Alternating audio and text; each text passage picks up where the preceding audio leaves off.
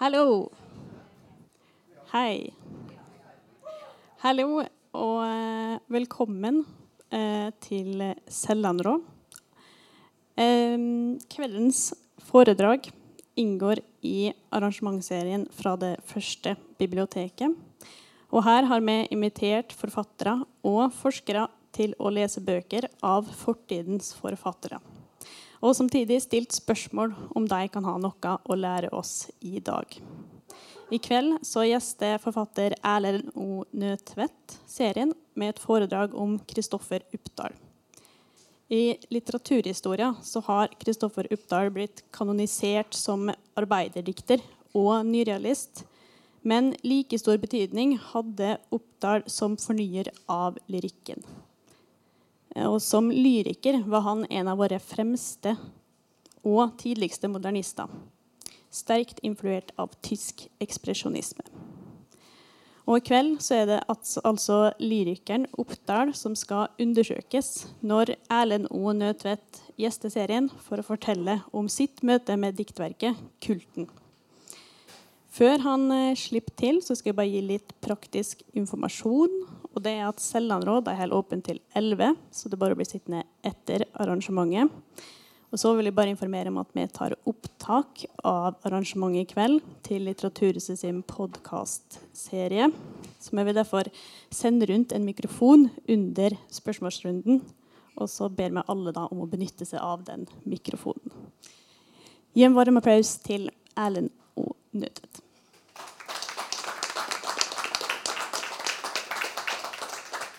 Tusen takk. Hører vi oss nå? Eh, god aften og velkommen til dette foredraget. Jeg skal snakke om Kristoffer Uppdals 'Kulten'. Eh, et monster av en bok. Eh, virkelig en, en, et ruvende verk i norsk litteraturhistorie. Og kanskje et av de minst leste verkene uh, som finnes av en norsk anerkjent forfatter. Jeg skal nærme meg dette verket ved hjelp av å se på den samtidige resepsjonen, for det tror jeg kan si mye både om Uppdal og om verket. Uh, og så reiser det også en del uh, spennende litteraturkritiske spørsmål.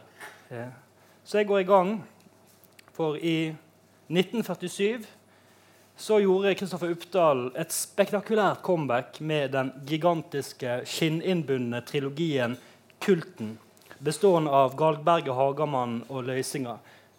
Eh, Galgberget og Hagermann de kom ut uh, som egne bøker på 30-tallet.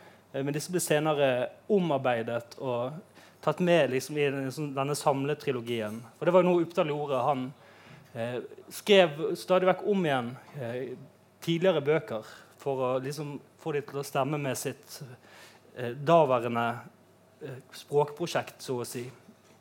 Eh, på en måte moderne, men samtidig dypt utidsmessig.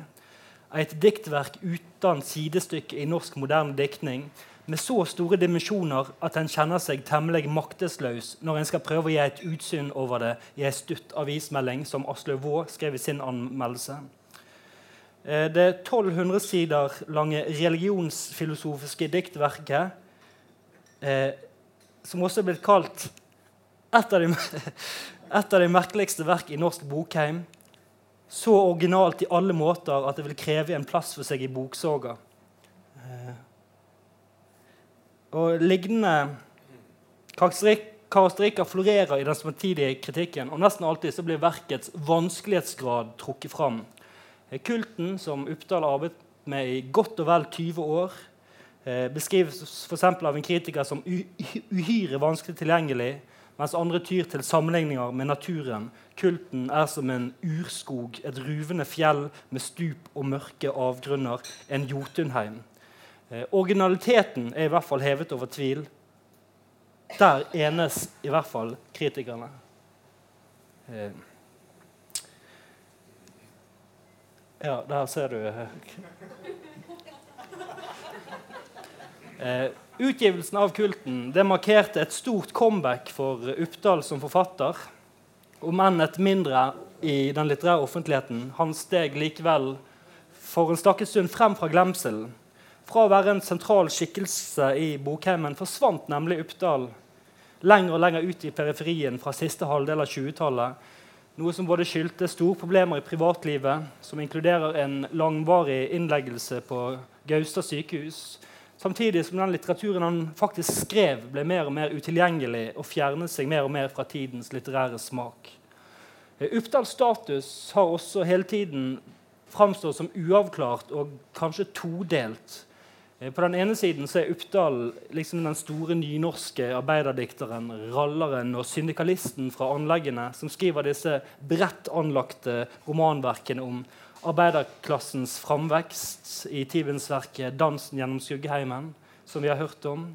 Mens andre steder så er det jo nettopp dette med Uppdal som nyskapende ly lyriker og en av våre tidligste modernister Eh, hvis da ikke fokuset ligger på Uppdal som den kanskje eneste norske litterære ekspresjonisten, eller Uppdal som vitalist og nitsjianer.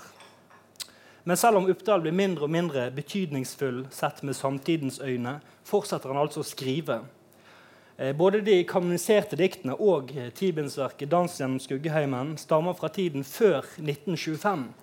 Så altså målt i antall sider utgjør forfatterskapet etter 1925, der kulten er den store kulminasjonen, rundt halvparten av Uppdals totale produksjon. Og dette er et viktig bakteppe når vi nå skal undersøke den samtidige kritikken av Uppdalskulten. Forfatterpersonaen Kristoffer Uppdal er en svært tydelig skogvokter i tilfelle kulten.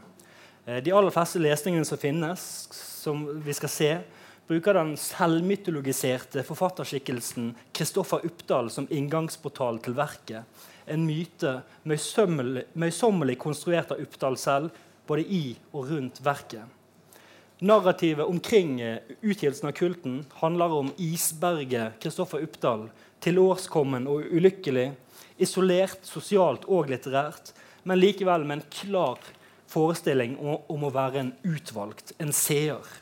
En som etter å ha utholdt enorme pinsler og hellig ensomhet har nådd dyrekjøpte innsikter om mennesket og om kosmos i et gedigent verk om en urtrøndersk refsende profet, en Saratustra i rallabunad, et overmenneske.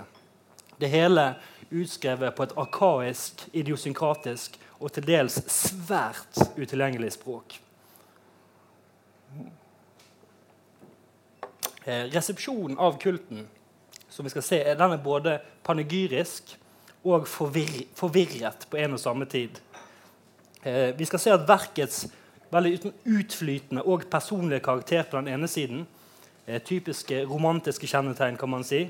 Og så på den andre siden det utilgjengelige, fremmedartede, hvor dette nyskapende språket også inngår. altså litt mer sånn typisk modernistiske kjennetegn, fører til at kritikerne hele tiden veksler mellom ja, vi kan kalle det liksom to forskjellige vurderingsparadigmer. Eh, gjerne i én og samme lesning, noe som avføder et ganske forvirret preg. Eh, det er ikke mange eh, lesninger som eksisterer av dette verket. Eh, heller ikke i ettertid. Jeg kjenner personlig alle i Norge, de fem som har lest denne boken. og de lesningene som finnes, eller, som kom når boken kom ut, eh, som oftest utført av yngre nynorske forfatterkolleger som har en dyp uttalt respekt for Uppdals forfatterskap. Og disse er som vi skal se, helt samstemte i sin hyllest av verket. Men det er hele tiden en panegyrikk som synes å komme fra en viss avstand. Kritikerne klarer egentlig ikke å fange verket. De befinner seg på utsiden av noe de ikke helt klarer å begripe. Eh, Uppdals selvfremstilling i verket som et utvalgt lidende geni legger også sterke føringer på resepsjonen. Kritikerne leser ikke bare kulten som Uppdals kunstneriske testamente, men også som hans menneskelige. Rolf Tesens utsagn om kulten i et brev til Eugenia Kielland kan stå som et motto for hele resepsjonen. Når en tenker på all den drit som kommer ut, så er det heller ingen grunn til å være særlig streng mot et geni.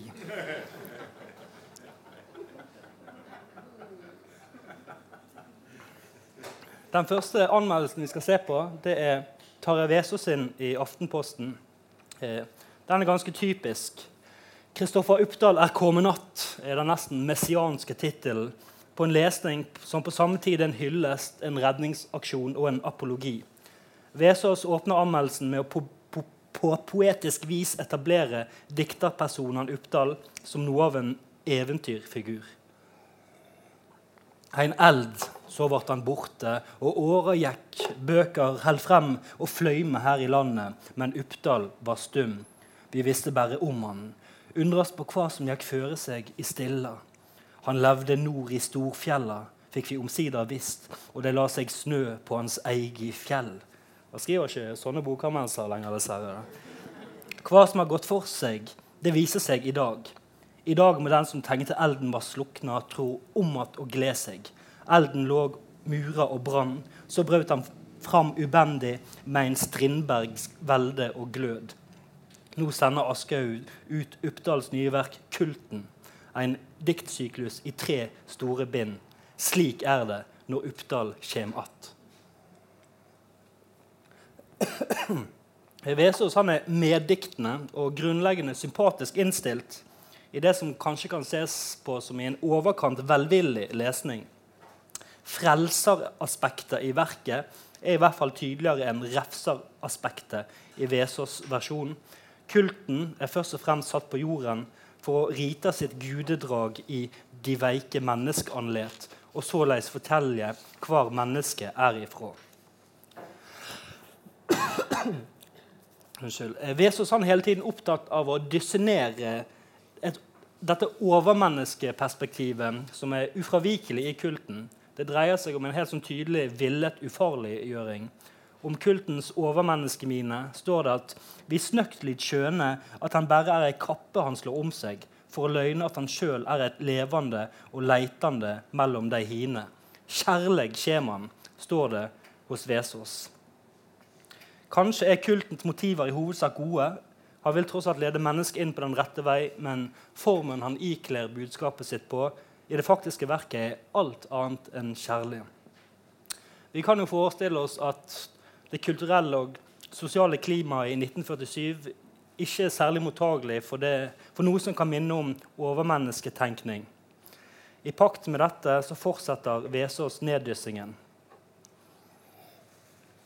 Denne kultdyrkinga må på ingen måte settes sammen med den fører- og overmenneskelære vi nylig har sett så uhyggelige frukter av. Kulten er nok meint som den parten av oss som er noe verd. Så det er altså som om Vesaas sier at Uppdal antageligvis ikke har ment det på den og den måten, selv om det kan veldig sterkt virke slike. Vesaas fortsetter. Dikteren sier tydelig og greit fra om dette en stad. Og de ordene burde være de første som leserne av dette verket prenter i seg. Så er det sitat I hver anbygd lever mennesket, og hver og en av dem er innskamt av Guda. Med dette som føreord må kulten leses. Da vil en ikke la seg føre vill om det synes komme toner av overmot. Så Her kommer altså Vesaas med en tydelig leserinstruks. Nettopp slik må verket leses for at man skal unngå den farlige overmenneskeideologien. Det kan finnes spor av dette ubehagelige elementet, men les på riktig måte, så fremviser kulten ingenting som kan peke i denne retning, er liksom Vesaas sin logikk her. Eh, en argumentasjon som er ganske søkt. Det virker liksom som man har funnet et løsrevet sitat som man bruker som en slags redningsbøye i, i teksten. Han understreker det også to ganger, både før og etter sitatet. Dette så egentlig ganske løsrevne sitatet må leseren hele tiden ha i bakhodet under lesningen. Eh, videre heter det Skal jeg bare se om jeg har den her. Har jeg det? Ja. Eh. Dette blir bare ei varsling. Det må gjøres kjent for mange at Kristoffer Uppdal er kommet att. En gjennomgang av dette trebindsverket er ikke å begynne på. Det vil en kvann gjøre som har fått lest og granska det gjennom lang tid. Kulten ter seg som overmenneskelære iblant og vil til å fylle en med protest. Men som jeg før har holdt fram, en må ikke la seg lure av det. Det som gjør verket gripende, er foruten alle storlagde dikterbilder, den kampen det vitner om. Den evige kampen for å finne ut hva en er. Vesaas foretar altså en betinget kapitulasjon Han gir opp å skrive en egentlig dekkende bokanmeldelse og nøyer seg med rollen som varsler. Noe vi skal se er et mønster i Kulten-resepsjonen. Noe annet tillater ikke tiden. Skal vi se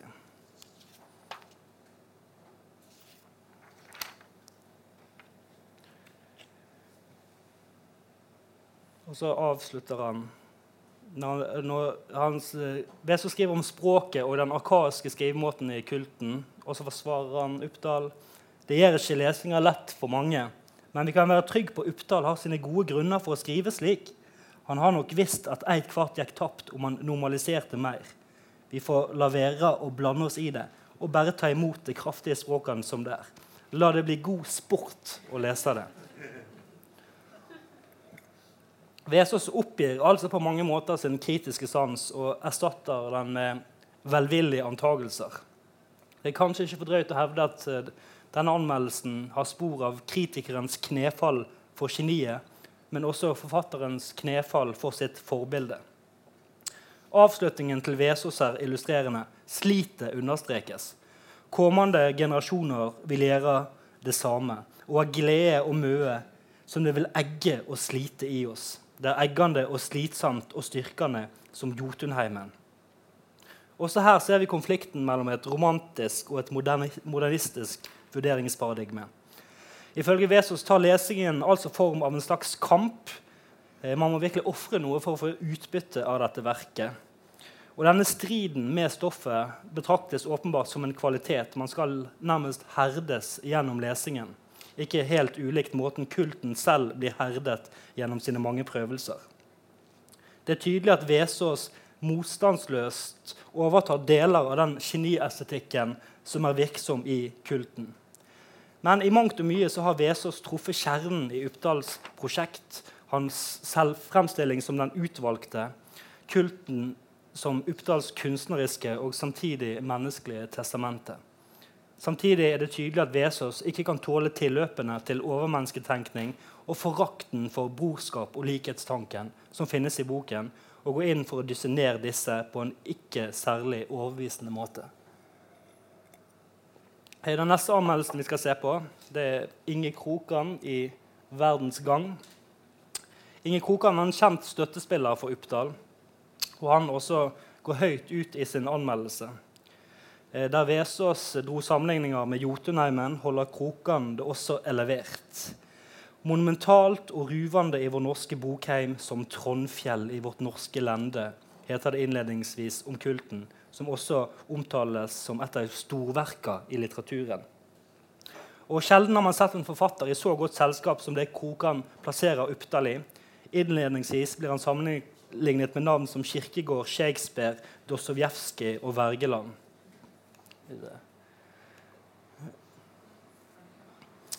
Likevel konkluderer Kokan med at det gjennom alt dette er Uppdal seg sjøl så helt ut i smått som i stort, og ingen, ingen kan liknes sammen med honom. I tråd med en romantisk geniestetikk er fokuset tydelig på opphavsmannen. Det er den enestående Kristoffer Uppdal som er seg sjøl så helt ut. Krokan utbroderer sammenligningen med Trondfjellet og hvordan man skal kartlegge det. Ikke bare den vanlige geograf, botaniker, geolog og mineralog trongst til det, men spesialister av så å si alle slag. Så uutgrunnelig er altså dette verket så mangefasettert at det vil være umulig for en enkelt person å få full oversikt over dets mange aspekter. Eh, Krokan stiller videre spørsmålstegn ved om verket er vellykket i alle detaljer men innfører samtidig et skille mellom verket og oss utenfor.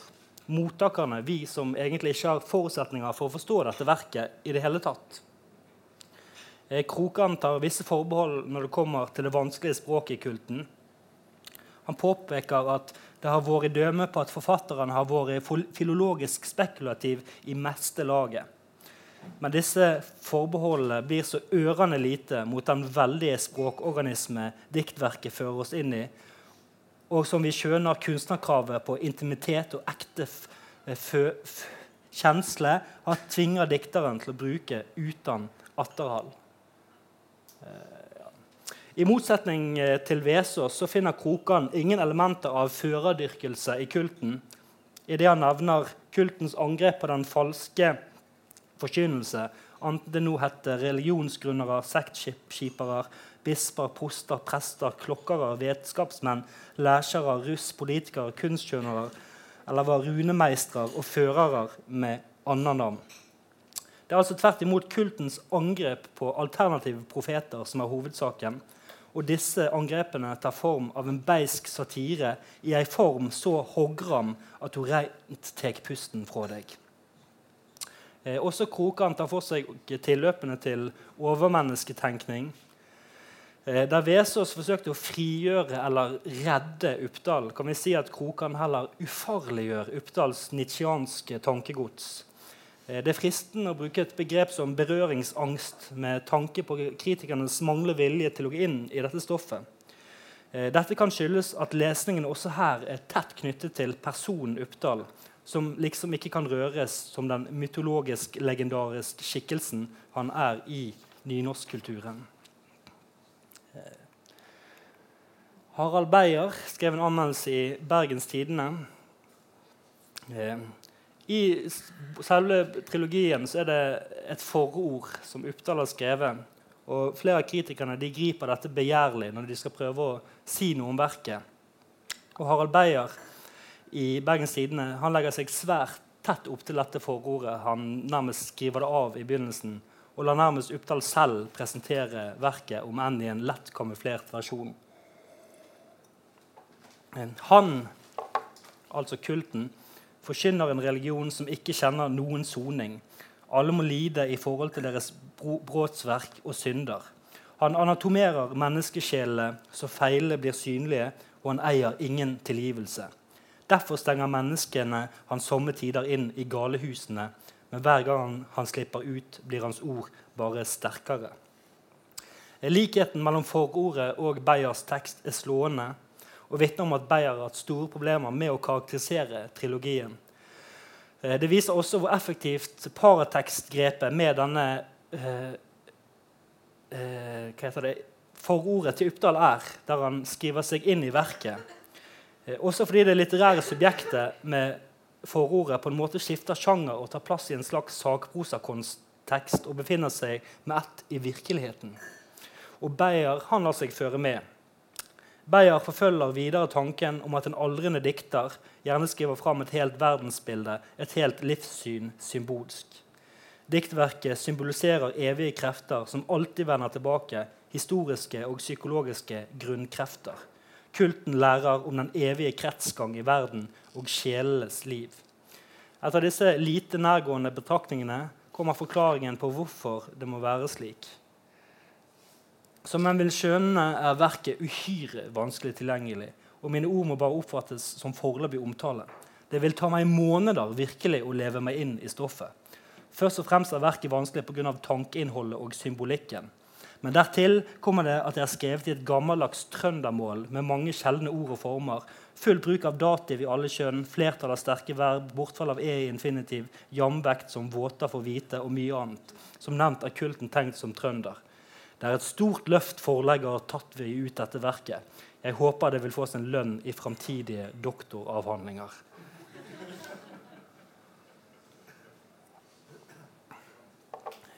Neste armen skal vi se på, det er eh, Ja, der kom den òg.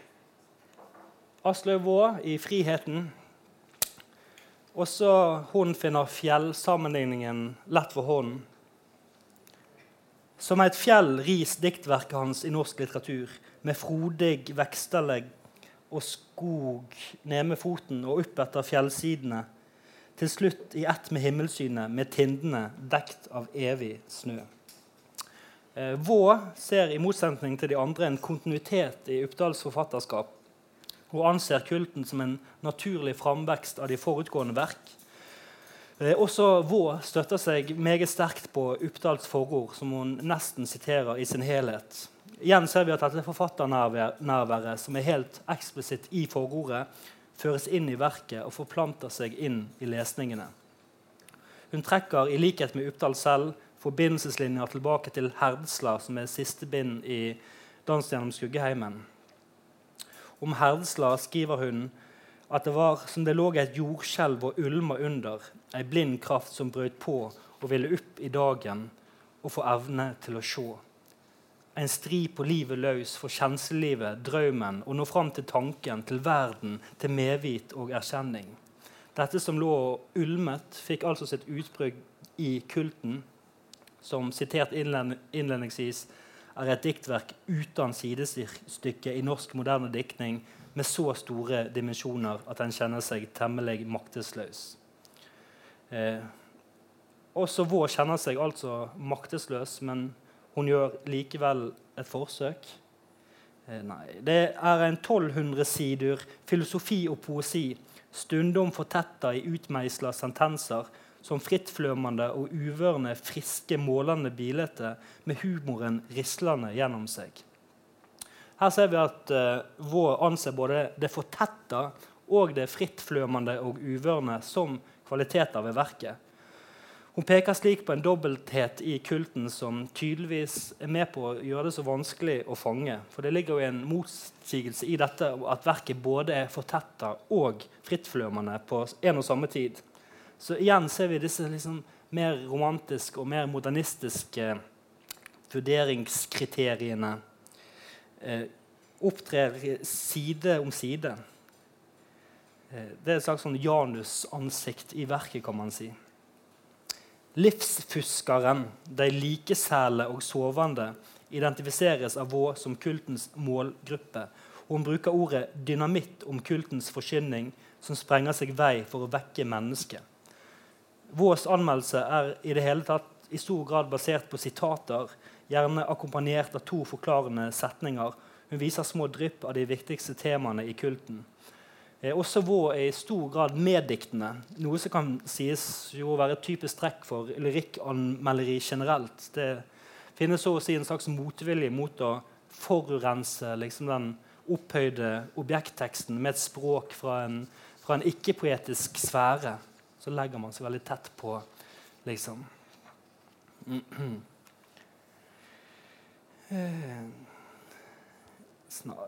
En sjelden gang av ævor mellom ævor fødes den som er utvalgt, den som har øyne til å se og ører til å høre. For hver gang er det et Sysofos-arbeid å føre manna etter fram og ut av den sløve svevnen av likesele som gjør at folk slår seg til tåls med at som det nå en gang er, må det være fordi det er slik. Eller sånn lyrisk bokanmelderi. Kulten som liksom en subversiv kraft og kultens offer ved å stille seg utenfor fellesskapet eh, synes som å, å, være de viktigste aspektene for Vå. Og Parallellene mellom Uppdal selv og hovedpersonen, kulten, er tydelig. Eh, også avslutningen på anmeldelsen er lyrisk. Men er vi som nå har Kristoffer Uppdal livslevende mellom oss, i stand til å ta imot den gåva han har gitt oss? En kjelde vi alltid kan øse av eh, til kunnskap og til å kvesse tanken. Og den livsvarmen som strømmer gjennom diktingen hans, gjør jorda nærere og tryggere. Han vil syne oss at jorda er til å bo på når vi lærer oss til å verte folk, og at det har noe på seg, det å være menneske. Eh, at Vår finner en livsvarme i Uppdals diktning som gjør jorden tryggere og nærere, er en ganske merkelig tolkning. Igjen ser det ut som det er mennesket Uppdal som står som garantist for denne lesningen. Han utlegges som en profet, en kilde vi alltid kan ause av, som vi mennesker er heldige å ha levende mellom oss. Eh, I takt med myten om den av sin samtid misforståtte profet spør Vår seg om mennesket er i stand til å ta imot denne Uppdals gave, dette livslivverket Nei, dette livverkverket som Vår står fascinert, hoderystende og meddiktende overfor.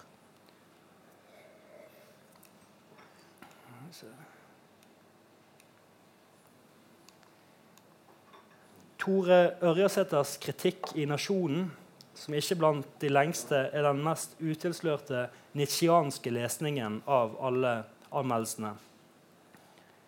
Kulten er ovmennesket, visdomsseieren som gir fyresegner om sanning og livssyrsle til menneskelig fullkommenskap. En norsk Zarathustra-diktning, som det har vært sagt. Sjelden har norsk ånd over seg med så suveren kraft som her.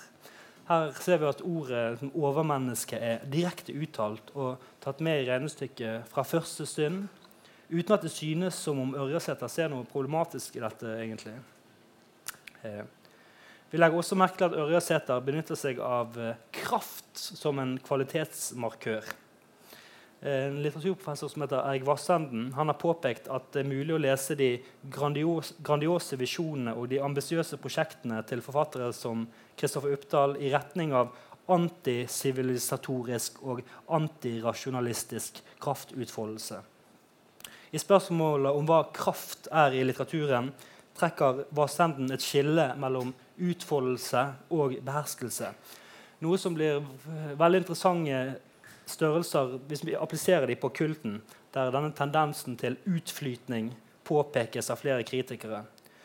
Eh, man kan kanskje hevde at Ørjasæter mener at verkets manglende beherskelse konstituerer det kraftfulle. At denne utflytenheten er en naturlig konsekvens av profetens monomane, nesten tungetaleaktige stemme. Også her kan man på en måte si at et romantisk og et modernistisk vurderings paradigme går litt over i hverandre. Eh, originaliteten er en annen ubestridelig kvalitet ved verket ifølge Ørjasæter.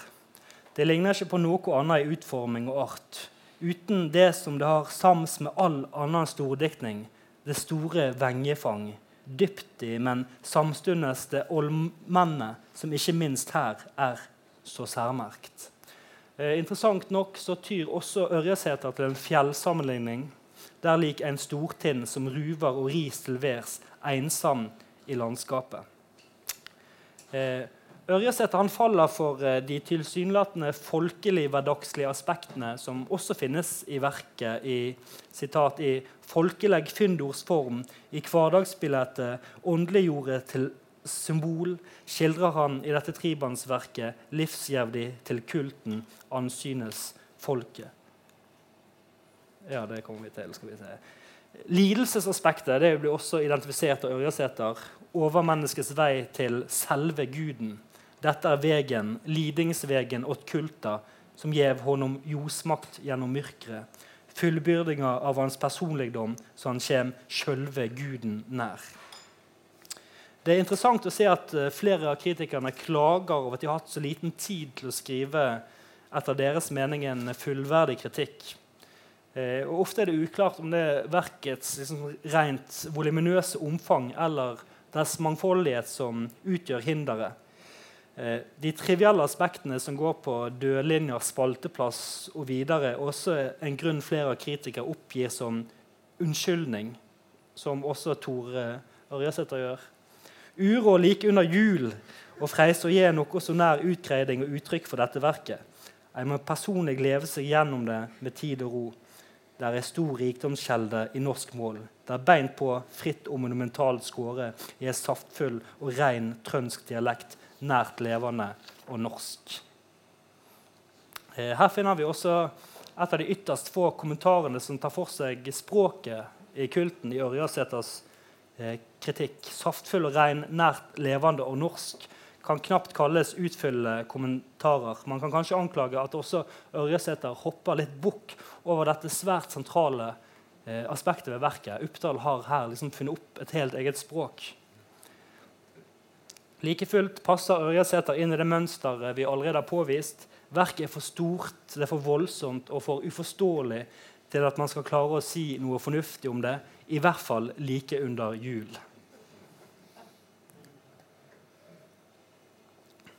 Olav Dalgards anmeldelse i Kulten er svært fokusert på verkets opphavsmann. Og Dalgard gjør en sjelden tydelig historisk-biografisk lesning. Dalgard han var i likhet med Krokan han tilhørte den engere krets av Uppdals støttespillere. Derfor er det antageligvis i god tro han åpner med følgende anekdote i sin omtale. En dag vinteren 1929 gikk jeg opp til Gaustad for å se om Kristoffer Uppdal. Det var ingen hyggelig vitjing. Han hadde vært på denne triste bostaden i over to år. og vonene hans var ikke særlig lovende etter det vi hadde hørt. Likevel kunne ikke vi som hadde hatt samband med han, få oss til å tro at Uppdal var ferdig. Dertil var han altfor klårtenkt og vital, jamvel om en på ymse vis kunne merke den hemmende sykdommen. Denne dagen var Uppdal i uvanlig godt humør. Han dro fram noen velskrivne ark og sa at han hadde begynt å skrive igjen.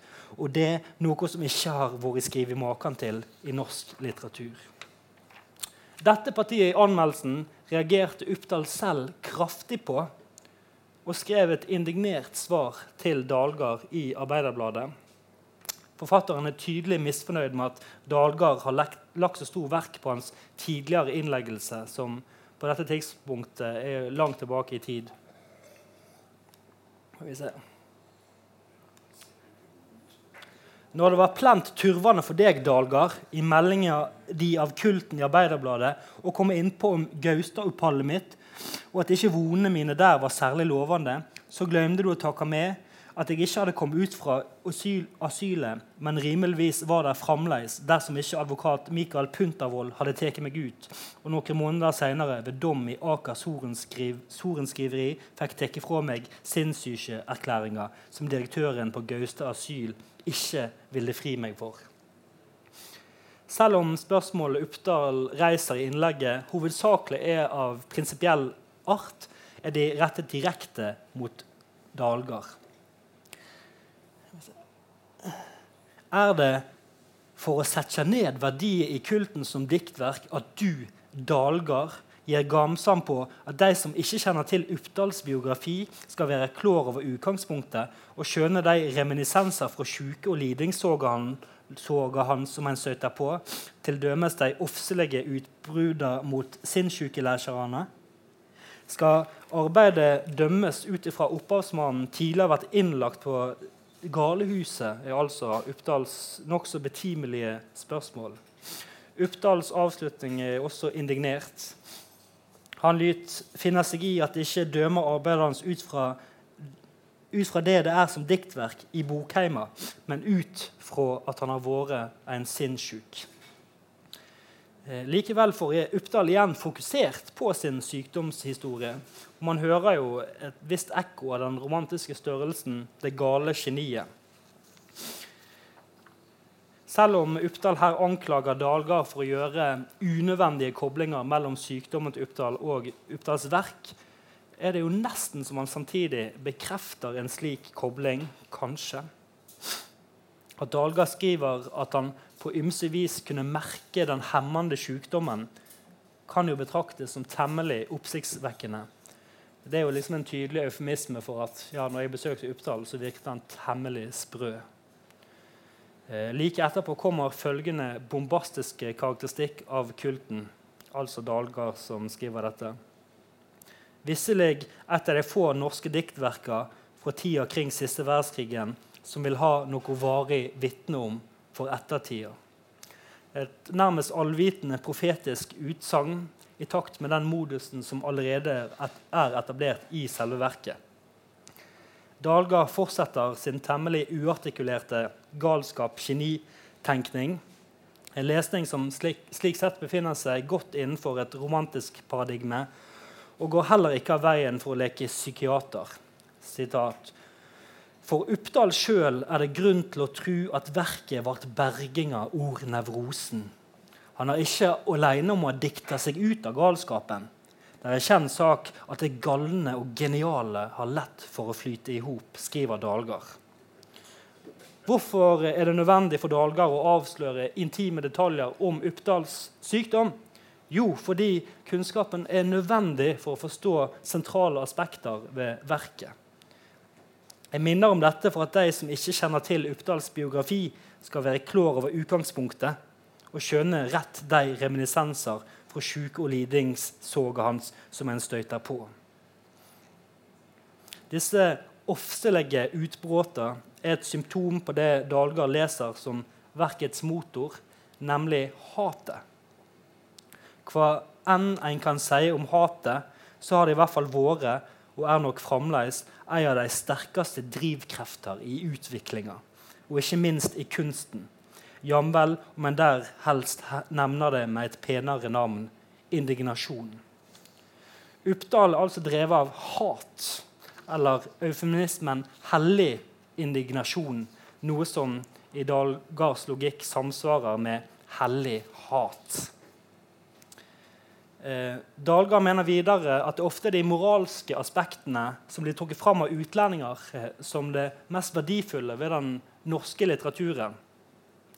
Trangen til sannseiing og moralsk refsing, som en møter like sterkt hos de gamle skaldene som hos en Wergeland og en Ibsen.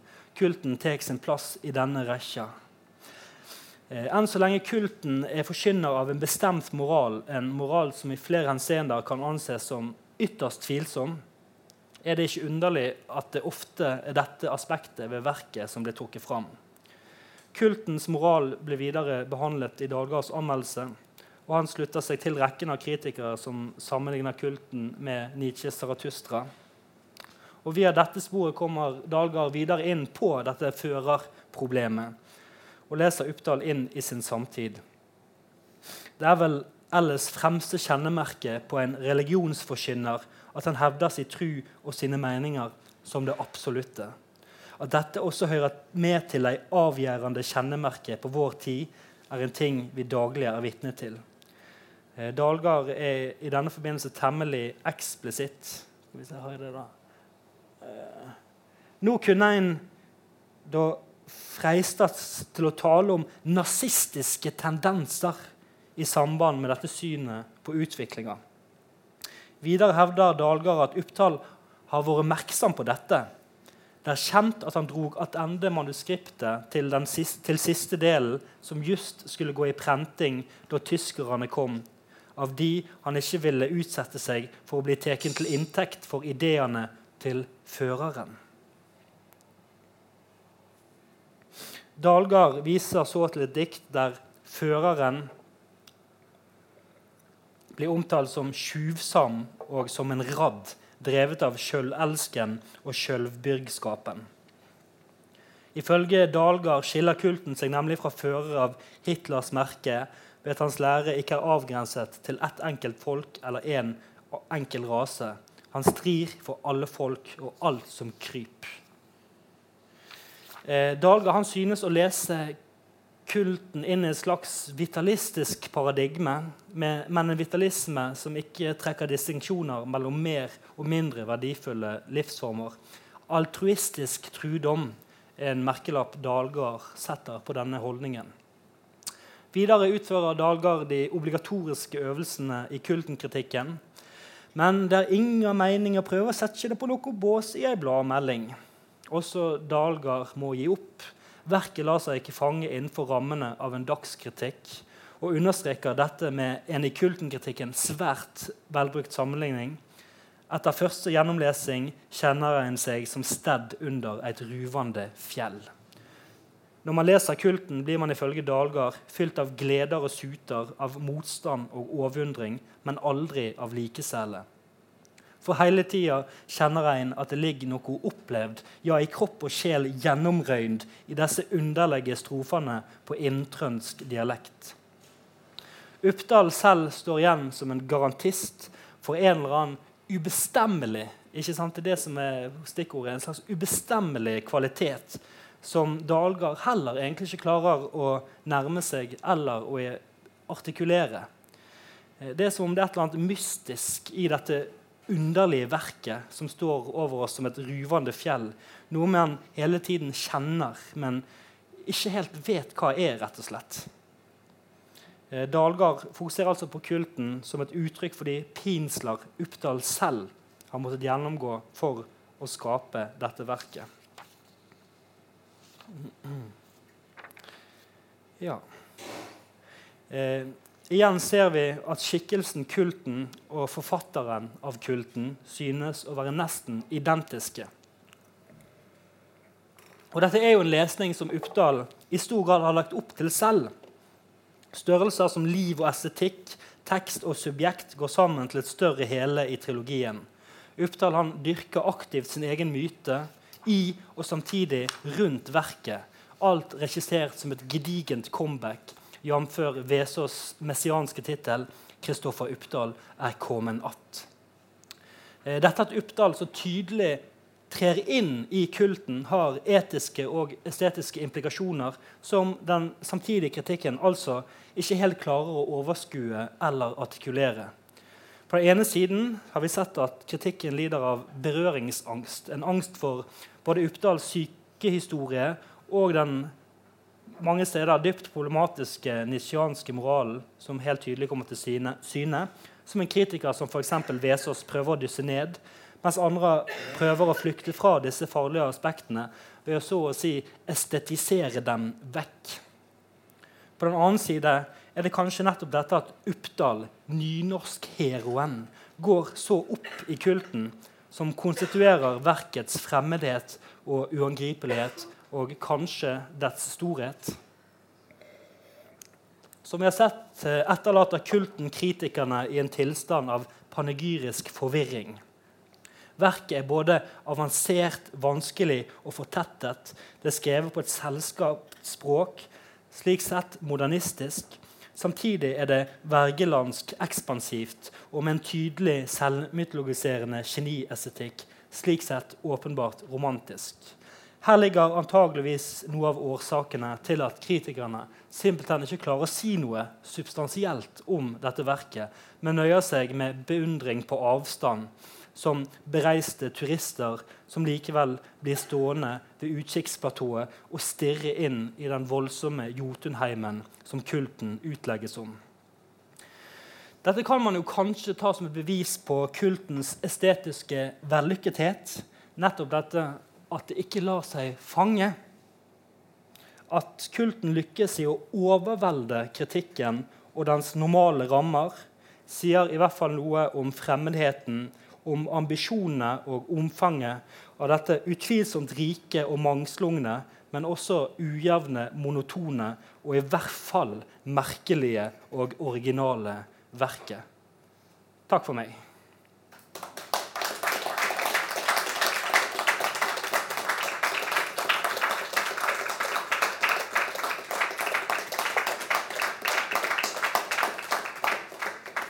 Er det noen som har innspill eller kommentarer? Skal vi godt, godt ta en prat hvis det er noen som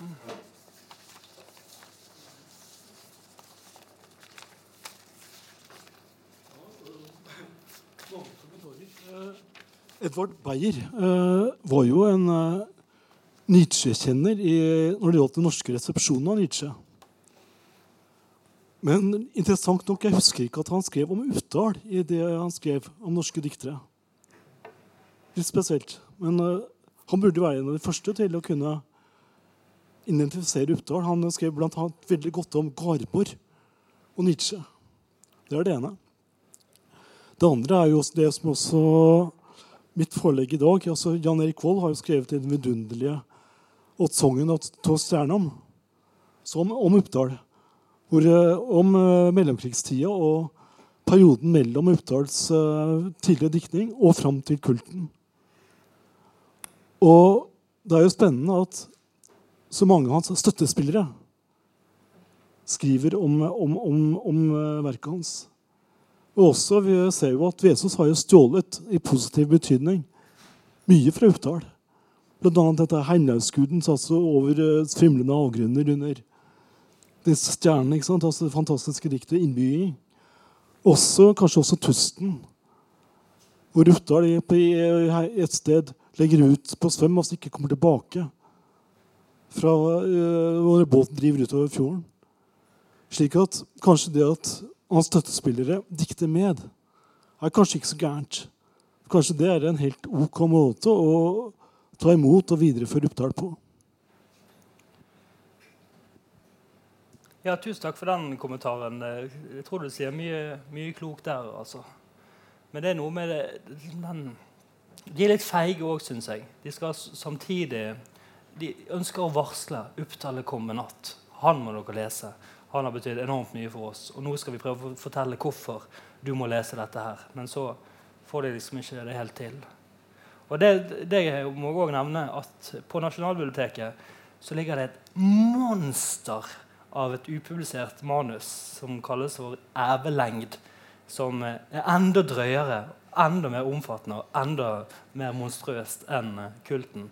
Så jeg bare, Hvis det er noen modige forleggere, hvis dere kjenner noen modige for, forleggere, så ta en telefon til de rett etter. Men jeg tror det er også en grunn til at eh, det manuset har blitt liggende i støvet. Altså, jeg har jo siste ørene gleder meg ja. Ja, jeg kan godt ja. Eh, eh, de siste årene gledet meg veldig mye over eh, det, unge, det unge litteratmiljøet i Bergen som har kasta seg over den ene trønderske forfatteren etter den andre. Og, hvem flere, forresten? Hva? Hvem, hvem flere?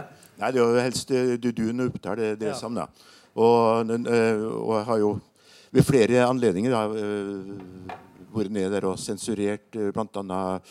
Uh, en som skrev en fantastisk hovedoppgave om isberget.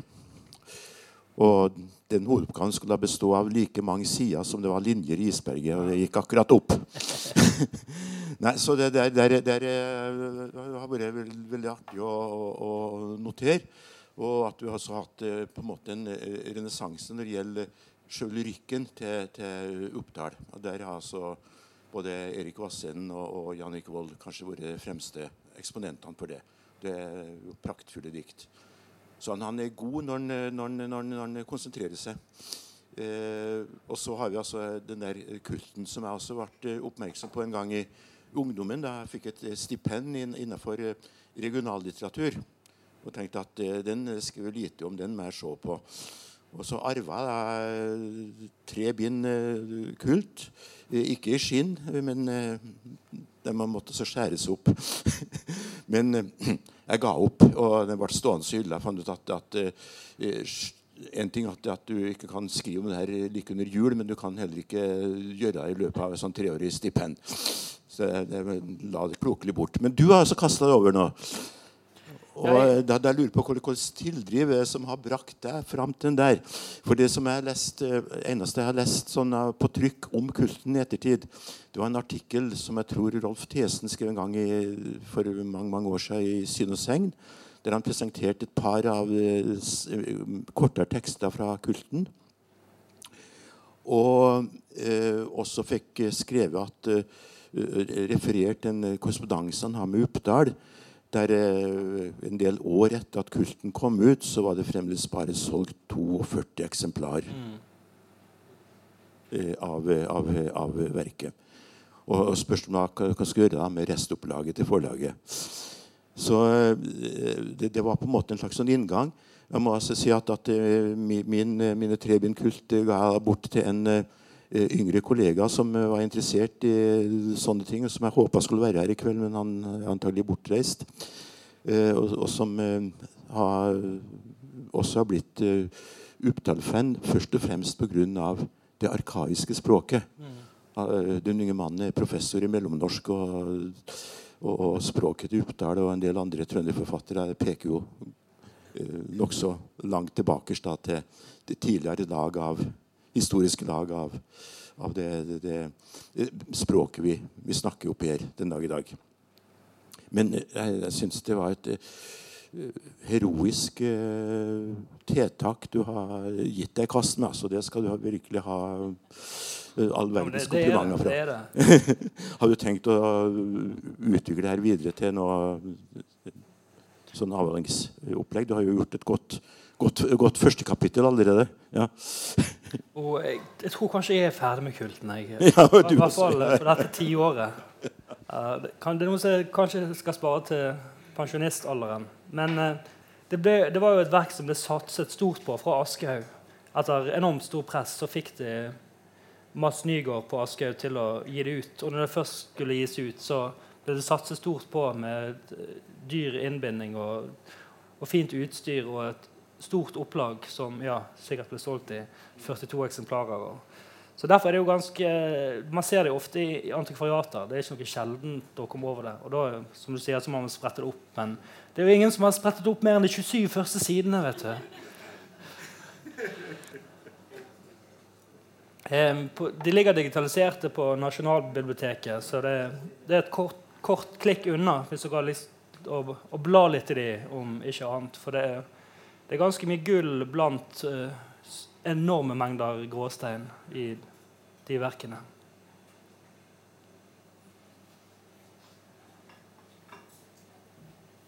Hei. Um, takk for foredrag. Um, hvordan leser du Oppdal som poet sjøl? Altså, hva får du ut av det, sånn rent for din egen del? Um, hvordan, på, hvordan, kan det påvirke deg? Hva, hvordan drar du i retning av som utøvende sjøl?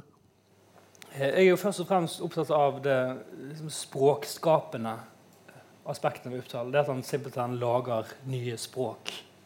Riktignok uh, tuftet godt i en tradisjon, men denne liksom, universskapingen og der liksom språkskapingen er, er, det viktigste.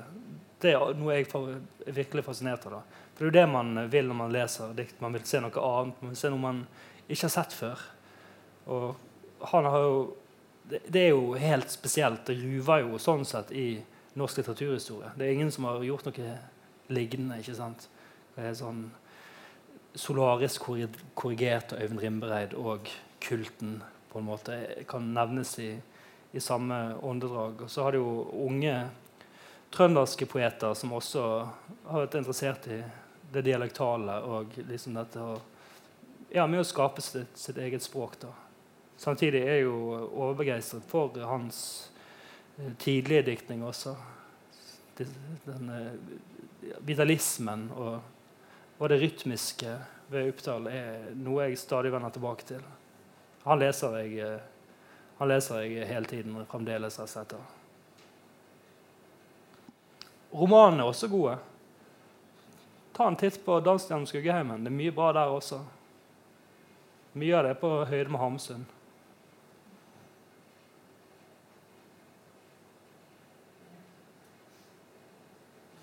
Samtidig så er det jo en, en tragisk historie også. Et tragisk liv. Jeg vil også på det varmeste anbefale Arild By sin Uppdal-biografi, som vel kom ut i 2010. Da får man eh, et ganske levende innblikk i et ganske hardt og trist liv.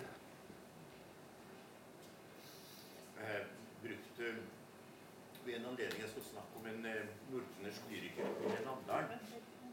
Ja vel. Ja, eh, Som sagt, for, eh, for en del gode år siden skulle jeg snakke om en, nordtrøndersk en, namdalslyriker. Og da begynte jeg liksom å ble, ble litt, komme litt skjevt ut.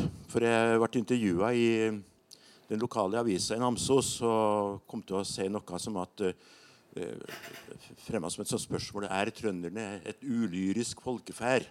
Det står nemlig i en omtale av trøndersk litteratur i ei bok uh, som kom ut midt på 30-tallet. Fordi det, det, har noe med, med, topografien å gjøre. for Den la bedre til rette for, for, de lange linjer og det episke enn for det lyriske. Uh, Pussig nok så var jo Oppdal nettopp ifra det lange episke landskapet med lange episke linjene. Men altså i den lokale historien for Steinkjer, som jeg fant da, der står det mer om Faras. For han var så jækla flink til å hoppe jamføttes. Enda da han var 75, så kunne han hoppe jamføttes oppi, oppi, oppi vogna si. Altså den eh, bekkjerra han har bakom hesten. Og, og Oppdal, altså sønnen hans, sto det lite om. Han var muligens en pinlighet for byen. Og det tok veldig lang tid før Oppdal fikk eh, dette minnesmerket i, i, i, i Steinkjer. Så det, det bekrefta på en måte en slags uh, myte som en del folk utenfor vel også har om trøndere. At vi er veldig gode på sport, men uh, kanskje ikke like gode på ting som tangerer det åndelige. men, men, men jeg ble jo veldig arrestert på dette. Jeg fikk jo greie på at uh, trønderne slett ikke var et ulyrisk folkeferd. og Det kom et, et, et ramaskrik nærmest i avisa med Eh, oppramsing av uh, alle mulige kjente og ukjente trønderske poeter som uh, skrev vers. Men, men, men det, det, det, er et eller annet der altså, med, med, med, med Oppdal og med, det tragiske livet som tydeligvis har vært vanskelig å, å, å takle det i, i, i nærmiljøet.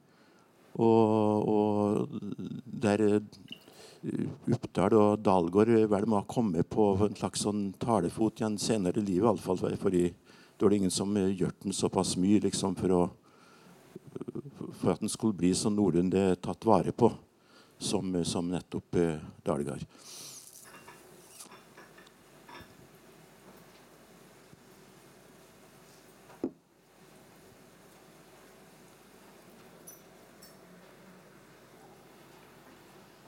Ja, På nordisk så fikk vi jo hele tida vite at uh, Uppdal var vanskelig. Han var veldig vanskelig. Jeg har ikke lest den der. Jeg har lest uh, uh, Tannsten Skuggeheimen, og det var rystende lesing. Det var et språk som var så vanvittig flott. Du må ta deg god tid, og presist. Og det på den ene sida de bildene han, han, han uh, laga der. Og så har du arbeiderdikteren. Rå rallaren. Og så får jeg konflikt. For det Om ikke overmenneske, så han digger eneren hele tida. Ser på seg selv som uh, uh, ja, übermensch. Men så er det en dilemma. da. Skal det stå i veien for opplevelser? Det er jo det som er dilemmaet også til Hamsun, kanskje. Ja. Jeg tror vi tar og runder av der. Ja. Og Så hvis noen har flere innspill, så kan man ta det over et glass etterpå, kanskje. Tusen takk til Nødtvedt for spennende foredrag, og takk til alle som kom. Takk for meg.